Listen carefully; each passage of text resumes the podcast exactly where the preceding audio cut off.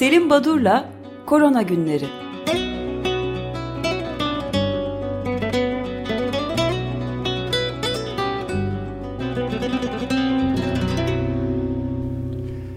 Günaydın Selim Badur, merhabalar. Günaydın efendim, günaydın. Günaydın. Ee, Özdeş, Robi, Selahattin de orada galiba. Evet, herkes burada. Herkes burada. Bütün ekip buradayız.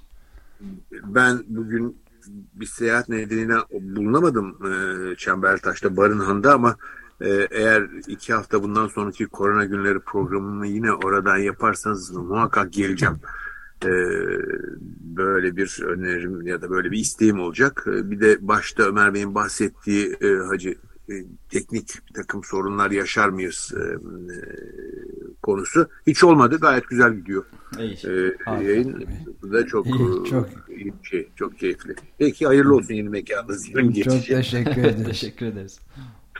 Efendim bu korona günlerine e, yine uygun görürseniz bir takım başka enfeksiyon hastalıkları. Ben bu bilgileri Dünya Sağlık Örgütü'nün çeşitli raporlarından okuyarak aktarmaya çalışıyorum. Bir kere maymun çiçek virüsü enfeksiyonların sayısı 16 Eylül itibariyle 61.282. Şimdi burada garip bir şey var.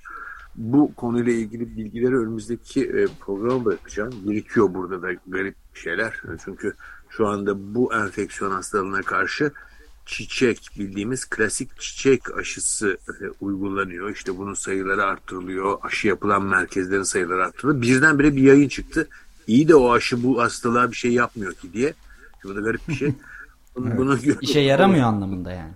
e, evet yani bu, bunun ilgisi yok falan gibi niye yapıyorsun diyen bir e, görüş ortaya atıldı. Bunu da tartıştır. Biraz daha irdeleyip ondan sonra baş, e, sizlerle dinleyicilerle paylaşmayı düşünüyorum. Şimdi e, 61.282 olgu dedim. E, listede bütün ülkelerin dökümü de var. Türkiye'den bir olgu deniyor ama Sağlık Bakanlığı 11 olgudan bahsetmişti. Çiçek, e, maymun çiçek e, enfeksiyonu ilgili. Niye 11 ama niye Dünya Sağlık Örgütü'nün listesine 1 diye giriyor hala? Bu tam e, bilmiyorum nedenini. E, maymun çiçeğini bir kenara bırakalım. Şimdi başka bir takım enfeksiyon hastalıkları ortaya çıkmaya başladı. E, çeşitli sorunlar var. E, göreceksiniz e, sorunların çıktığı ülkeler hemen hemen tamamı gelişmekte olan ülkeler. Bazı hastalıklar eski klasik bildik e, artık bitti dediğimiz ama hortlayan hastalıklar. Örneğin Moğolistan. Moğolistan'da 11 adet veba şüpheli olgu e, bildirildi. Bubonik veba ya da Türkçe deyimiyle daha yaygın kullanılıyor. Hıyarcık vebası deniyor. Lenf bezlerinin şişmesiyle kemiricilerin ısırması ve pire aracılığıyla geçen Yersinia ismi verilen bir e, bulan kişinin ismiyle anılıyor. Yersinia pestis. Bir ve, e, veba enfeksiyonu yani bu vebayı artık unutmuştuk biz e, ya da olmaması e, gerektiğini düşünüyoruz 21. yüzyılda ama Moğolistan'dan böyle bir küçük odak saptandı. Ee, Brezilya'da acil kliniklere başvuran ateşli, yüksek ateşle başvuran hastaların yüzde 3.3,5'unda e, riketsia dediğimiz bir e, bakteri saptandı ki bu ilginç, çok yaygın bu şekilde e, hani hastaneye başvuranlarda sık görülen bir e, etken değildi. Demokratik Kongo Cumhuriyeti'nde e, menenjit olguları, 60 kadar menenjit olgusu çıktı ki ee, geçen yıl 205 e, kişi ölmüş bu ülkede menenjitten. Aynı zamanda Ebola vakası bildirildi. Nijer'de e, deng ateşi, Küba'dan gelen bir kişide emporte bir vaka. Ee, erkek 47 yaşında bir hasta, Covid e, hastası. Yapılan araştırmada bu deng ateşi, kanamalı bir ateş türü, bu Kırım Kongo kanamalı ateş grubundan bir etken ve onun oluşturduğu enfeksiyon. Hindistan'da ve Gambiya'da bu ilginç nedeni bilinmeyen e, bir takım ölümler olmaya başladı. Ateş, terleme e, gibi e, ortaya çıkıyor ki örneğin Gambiya'da 335 olgu var böyle. Böbrek fonksiyonlarında bir sorun var. Böbrekleri tutan bir enfeksiyon hastalıkları. Kaynak çok ilginç, saptanmış. Parasetamol bu çocuklarda genellikle hani ateş düşürmek için falan kullanılan bir şurup Parasetamol toz halinde bir de onun çözün, çözündürücüsü var işte bir sıvı var yanında içine koyup çalkalayıp e, kullanıma sokuyorsunuz. Bu sulandırıcının içinde boya ve tekstil endüstrisinde ve nem tutucu olarak kullanılan dietilen glikol bulunmuş bir oldukça toksik madde. Toksik madde e, çocukların ateşi düşsün diye verilen parasetamol ilacının içinde çocuklara veriliyor demek ki istenmeden ve böbrek fonksiyonlarına, böbrek yıkımına kadar giden bir sorun yaratıyormuş. Bu çok çok tuhaf bir şey, böyle bir şey. Zimbabwe'de kızamık salgını var. 200, 698 çocuk yaşamını yitirdi. 6000 küsur olgu var. Aşılamada sorun var. UNICEF diyor ki aşılamayı düşük tutarsanız eğer bu sorun devam eder. Buna dikkat edecek diyor. Ee, bitiriyorum bu ülke turlar turunu. Gana ve Mozambik'te aşı suçuyla oluşan poliomiyelit olguları bildirildi. Yani çocuk felci. Arjantin'de bir parazit hastalığı 10 yeni olguyla Leishmania sorunu yaşanıyor. Ve e, Nijerya'da hem sarı umma 14 ölüm var hem de Lassa virüs enfeksiyonu 899 olgu var. E, morbidite ve mortalitesi yüksek bir zoonuz yani Lassa enfeksiyonu e, hayvanlardan geçen bir virüs hastalığı. Şimdi bunu niye söyledim? Bütün bu e, e, Ahmet İnsan'ın programının sloganı değil mi? O ufuk turu, bu da ülkeler turu oldu. Bu ülkeler turunda yani her yerde sorunlar var ve hani küçük çapta ama bunlar her an büyüyebilir yani. İnanılmaz um, ummadığınız kadar hızlı yayılabilecek bir takım odaklar. Ama ve ge geçecek gibi de görünmüyor değil mi? Geçecek gibi yani görünmüyor, artıyor ve şimdi artıyor. Beni çok şaşırtan artık bu, bu aşamada bir takım şeylere çok şaşmamak lazım herhalde ama beni yine de çok şaşırtan bir e, rapor yayınlandı. Şimdi bunu söyleyeceğim. 23 Ağustos 1 Eylül tarihlerinde İsveç'te Stockholm'da yapılan Dünya Su Haftası'nda sunuldu bu rapor. Şimdi dünyadaki sağlık kuruluşlarının neredeyse yarısında sağlık kuruluşlarının içinde su, sabun ve alkollü dezenfektan ürünlere erişim yokmuş. Yokmuş evet hatırlıyorum bu raporu. Evet. Biz de çok az şey. verme yani, imkanı akıl, bulmuştuk. Akıl almaz bir şey yani bu. Yani hakikaten akıl tutulması gibi yani birazcık siz verdiğiniz ayrıntı duymamıştım ben ayrıntılarına biraz e, bakmama izin verin. 3.85 milyar insan bu tip yerlerden sağlık hizmeti alıyor. Ya suyu sabunu olmayan sağlık merkezinden hizmet alan yani hastalandığı zaman oraya başvuran insan sayısı suyu sabunu yok. 3.85 milyar bu ürkütücü bir şey. 688 milyonu hiçbir hijyen koşulunun sağlamadığı ortamlarda tedavi görüyormuş insanlar. Yani biz neyi konuşuyoruz? Hani aşılar gitti gitmedi Covax var şimdi geleceğiz Covid'e e, niye aşılanma az oluyor falan. Ne aşılanması? Suyu sabunu olmayan dezenfektan olan yerlerde yani sağlığınıza koşmak için başvurduğunuz kurumlardan hastalık kapma ihtimaliniz çok yüksek. Evet biz başta şeyi de söylemeyi zaman bulamamıştık. Pakistan'daki korkunç distopik selin sonuçlarından en önemlilerinden biri de işte bu bulaşıcı hastalıklar, denge, ateşi ya da diğer bütün o koleralar kol geziyor diye de haberler var. Yani ülkenin 3, 300 milyon 30 milyondan fazla insan sular altında kaldı ve hiçbir sağlık hizmeti falan da görülemiyor yani. Evet bu raporu e, Dünya Su Haftası'nda Doktor Maria Neira sunmuş. İklim Krizi ve Sağlık Bürosu'nun, Dünya Sağlık Örgütü'nün bu büronun yetkilisi. Ee, yaklaşık 40 kadar ülkede yapılmış bu inceleme. Ee, hem e, hijyen koşullarına hem de su sabununa e, sahip olmayan e, ülke e, hastanelerinin sayısı yüzde 51 oranı. Yüzde dokuzunda da hiçbir şey yok. Bütün bunların bir de e, elbette götürüsü oluyor. UNICEF'e göre her yıl 670 bin kadar yeni doğan bu nedenle yaşamını yitiriyor. Ya biz biz neden konuşuyoruz? Çok ürkütücü değil mi? Yani 670 bin çocuk hiçbir sağlık e, donanımı olmayan ama adı sağlık kuruluşu olan e, merkezlerde dünyaya geliyorlar ve oradan bir enfeksiyon kaparak yaşamlarını yitiriyorlar.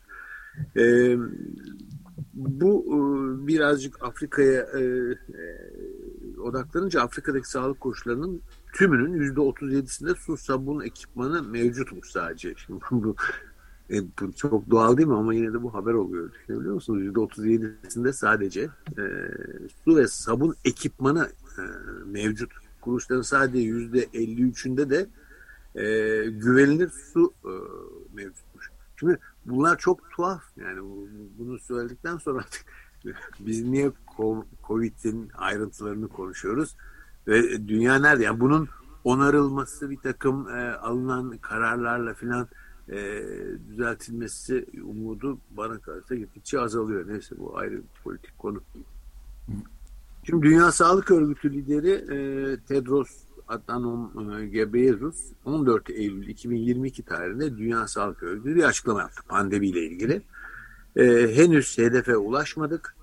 Bir maraton koşucusunu düşünün. Varış çizgisini uzaktan görmüş ama koşmayı bırakmamalı bu koşucu diyen bu tarz giden bir konuşma. Şimdi bu henüz hedefe ulaşmadık ama hedefin ucu göründü falan deyince e, Türkiye'de ülkemizde basında özellikle sosyal medyada medyada Dünya Sağlık Örgütü pandeminin bittiğini ilan etti falan gibi bir takım haberler çıktı. Adamın dediklerinin evet. ilgisi yok söylenenler. Yani bitti falan demiyor. Aman dikkat edin diyor. Hani sona yaklaşıyoruz. Şimdi tedbirleri elden bırakmayın. Yoksa çok kötü geri döner bu diyor. Ee, geçen hafta Eylül'ün ilk haftası bildirilen ölgü, e, ölü sayıları Mart 2020'den bu yana e, bildirilen en düşük sayı. Bu önemli ve olumlu bir gelişme. Şimdiye dek pandemiyi sonlandırma konusunda bu kadar iyi bir durumda olmadık dedi. Ee, Başkan Adnan Gebreyesus. Şu anda koşmayı bırakmak bu e, maraton benzetmesi göndermesi metaforuyla şu anda koşmayı bırakmak çok hatalı olur. Bu yapılır ise yeni varyantlar daha fazla ölüm, daha büyük kargaşa ve daha da önemlisi çok daha büyük belirsizlikler doğar diyor. Önemli mesajlar.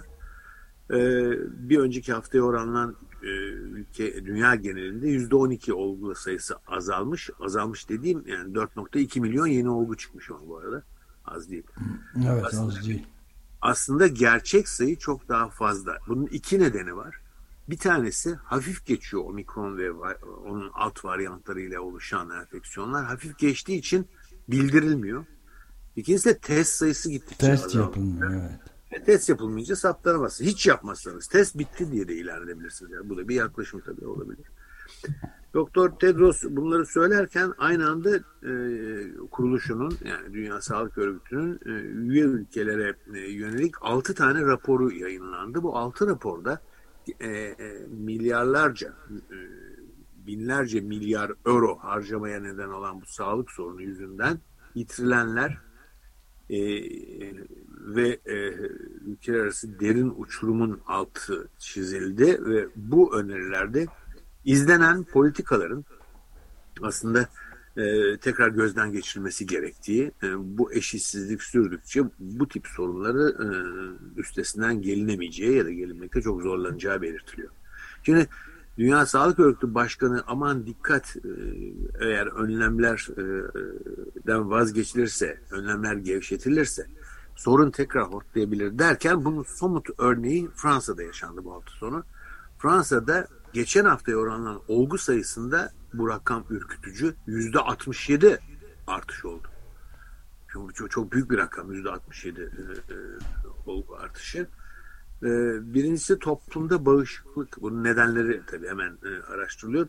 Toplumda bağışıklık azalıyor. Yani e, insanlar işte üçüncü kez aşılandılar. Dördüncü rapel dozları olsun mu olmasın mı ne zaman olsun hangisinden olsun derken e, bir kısım insan olmadı. Örneğin özellikle riskli grup olarak kabul edip muhakkak siz rapel dozlarınızı, hatırlatma dozlarınızı yaptırın denilen kitle e, 60 yaş üzerindeki kitle Fransa'da. Bunların sadece %30'u ikinci doz rapellerini yaptırmışlar. Şöyle bir e, düşünce var bu ülkemizde de e, dillendiriliyor bazen. Yeni tip aşılar bu bivalan denilen mRNA aşıları gelecek. E, onu bekleyelim ondan olalım. Aman diyor Fransa sağlık yetkilileri böyle bir beklenti içine girmeyin. Evet bu aşı gelecek ama siz zamanınız geldiyse muhakkak aşılanın arada yakalanıyorsunuz hastalar diyorlar. Hmm. Ve Fransa e, hem bu toplumsal bağışıklığın azalması hem de okulların, iş dünyasının e, işte sonbaharla beraber Eylül ayıyla açılması, yoğunlaşması e, nedeniyle e, ki bunu 2021'de Delta varyantı ile de görmüştük sonbahar aylarıyla beraber Avrupa'da tekrar olguların süratli artışını Fransa aynı durumun 2022'de de yaşanabileceğini ve 8. dalga acaba başlıyor mu sorusu soruluyor. E, bunu e, iki hafta içindeki gelişmeler e, netleştirecek, gösterecek deniyorlar, deniyor Fransa'da ve bu durum oldukça endişeyle izlenmekte. Şimdi geleceğin pandemilerinden de bir yandan bahsediliyor. Buna ait pandemi hazırlık planları yapılmakta. Peki etken ne olacak? Biraz virüs grup isimlerinden e, söz edeceğim ama süratle geçeceğim. Bunları daha sonra e, web sitesinde düzelterek e, yer vereceğiz. Birinci grupta koronavirüsler var. MERS ve SARS virüsleri olası pandemi etkeni gelecekteki. İlk koronavirüsler 1965 ve 67 yıllarında saptanmıştı ki çok selim seyreden, önem verilmeyen, işte aşıyla ilgili herhangi bir şey yapılmayan e, koronavirüslerde. Daha sonra e, 2000'li yıllarda e, koronavirüsler içinden SARS ve MERS gibi e, mortalitesi yani ölümcüllüğü yüksek virüsler ortaya çıktı e, yarasalardan geçmesi söz konusu. O yarasalar koronavirüsleri taşıyorlar. Bu grup virüse dikkat etmek lazım. İkinci grupta flavivirüsler var. E, denk e, ateşi, Zika, Japon ensefaliti gibi virüsler. Beyinde enflamasyon ya da Zika'da olduğu gibi doğum e, sırasında e, bir takım anomaliler e, ve sorunlara yol açan bir virüs. Bu ikinci bir grup sivrisineklerden geçiyor. Üçüncüsü ortomiksovirüsler. E, burada influenza var. Yani grip virüsü 20. yüzyılda e, 4 tane pandemiye neden oldu influenza virüsleri. Daha sonra paramiksolar var. Bunlar e, Nipah ve Hendra virüsü. Son olarak bunlara Lankia eklendi. Tümü zoonoz yani hayvanlardan geçiyor ki burada ilginç bir şey Nipah virüsünden bahsediyorum. NIH yani Amerika'daki National Institute of Health Nipah'a karşı mRNA aşısı çalışmalarını başlattı. Bu ne demek? Nipah'tan e, gelecekte bir sorun çıkma olasılığı en yüksek olan virüsün bu olduğu düşünülmekte. 94'ten beri e, biliniyor bu e, grup Nipah Hendra virüsleri. E, Nipah önemli. 98 yılında ilk salgın Bangladeş'te olmuştu ve çok fazla insana yapıştı. E, sonuncu, beşinci virüs grubu Toga virüsler. Chikungunya var bunun içinde e, ve equin e, ensefalitleri var. Bunlar da sivrisinekten geçiyorlar. Venezuela'da ortaya çıkmıştı. Yani gördüğümüz gibi e, hayvanlardan sivrisinek, yarasa gibi aracılarla insana bulaşma olasılığı bulunan bir dizi e, virüs var. Bunları 5 virüs ailesi grubunda sınıflandırmak mümkün. Bunlara baktığımızda e, geleceğin hani yani ürkerek ve biraz ciddi alarak konuları e, hazırlıklı olmakta yarar var herhalde ama evet, böyle... ben ben de araya girip bir şey sorabilir miyim yani iki nokta var e, bir tanesi bu kışa doğru giderken e, bu grip virüsünün biraz önce sözünü ettiğiniz influenza'nın gayet önemli e, pek çok pandemiye yani yol açtığını 20. yüzyılda büyük şeylere yol açtığını söylemiştiniz. Burada grip aşısı olmanın ve bu kışı hazırlıklı olarak girmek için herkesin grip aşısı olması gibi bir seferberliğe ihtiyaç e, var mı Osman Bey de söylemişti Osman Elbek e, bunun gerekli olduğunu bir de bu dünyayı giderek sarmakta olan çeşitli yerlerde savaş ve çatışma durumlarında her türlü tıbbi bakım, aşılama filan nasıl yürütülecek diye de insanın aklına bir soru daha geliyor. Yani çok geniş kapsamlı sorular ama birer cümleyle buna değinebilirsek evet, çok memnun olurum. Birincisi influenza virüsü ve grip aşısı için elbette e, yapılması gerekli hem risk gruplarını hem e, hani gribe yakalanmak istemeyen herkesin grip aşısı yaptırması e, e, gerekli. Ancak şöyle bir sorun var. Birincisi grip e, ciddiye alınmıyor. Ülkemizde 3 milyon civarında grip aşısı kullanılır her yıl aslında e, bu aşının yaptırması gereken riskli grup sayısını alt alta koyup topladığınızda 18-20 milyon kadar insanın grip aşısı yaptırması lazım. Ve bu kesime, bu kişilere e, grip aşısı ücretsiz olarak sağlanmakta. Devlet karşılamakta bunu. Buna rağmen ücretsiz bir aşı hakkına sahip olmalarına rağmen insanlar gidip aşı olmuyorlar. Bu ilginç bir durum. E, fakat burada tabii birdenbire 18-20 milyon insan tamam biz aşı olmayı kabul ediyoruz derlerse aşı yok bu diye. E, yani Türkiye sadece 3-3,5 milyon doz aşı getiriyor, giriyor ülkeye. Ve karışık orada durumlar e, ve e, şunu da hemen belirteyim. Dün bir toplantıda da konuşuldu bu. Ee, şimdi biz hep Covid'den bahsediyoruz ne kadar çok ölüm oldu e, aman insanlar yaşamını yitiriyor diye. Ya her sene 500 binden fazla insan gripten yaşamını yitiriyor dünyada. Bu evet. azımsanacak bir sayı değil. Ben işte iki sene önce 637 bin falan çıktı yaşamını yitirenlerin sayısı. E, bu önemli bir sayısal değer ama insanların gribe bakışı e, hani e, abartılıyormuş, e, çok ciddi alınması gerekmiyormuş gibi değerlendiriyorlar. Öyle değil. Solunum yolları virüslerinin bu tarz e, olumsuzlukları kolaylıkla yapabilecekleri unutulmamalı ve Osman Erbe'ye tamamen katılıyorum. E, bu konuda birazcık e, vicdanlı olan herkesin bu grip aşısını önermesi lazım sağlık çalışanlar arasında ama bu konuda bile çok tereddütler, çok tartışmalar, çok spekülasyonlar oluyor. İkinci konuya gelince e, hani enfeksiyonlar şimdi biraz önce bahsettiğim siz daha önce görmüşsünüz Özdeş belirtti. Bu su ve sabunu olmayan sağlık kuruluşlarını düşününce ya işin neresinden başlanmalı bilmiyorum ya çok ürkütücü bir durum e, elbette e, önlemler alınmalı ama nasıl alınacak ve nereden başlanacak e, bunu e, belirlemek zor gibi. Şimdi evet. e, iki çalışma daha var. E, iki üç çalışma bahsedeyim hemen. Bir tanesi şimdi yeni veriler ışığında bazı sayısal değerler değişmekte.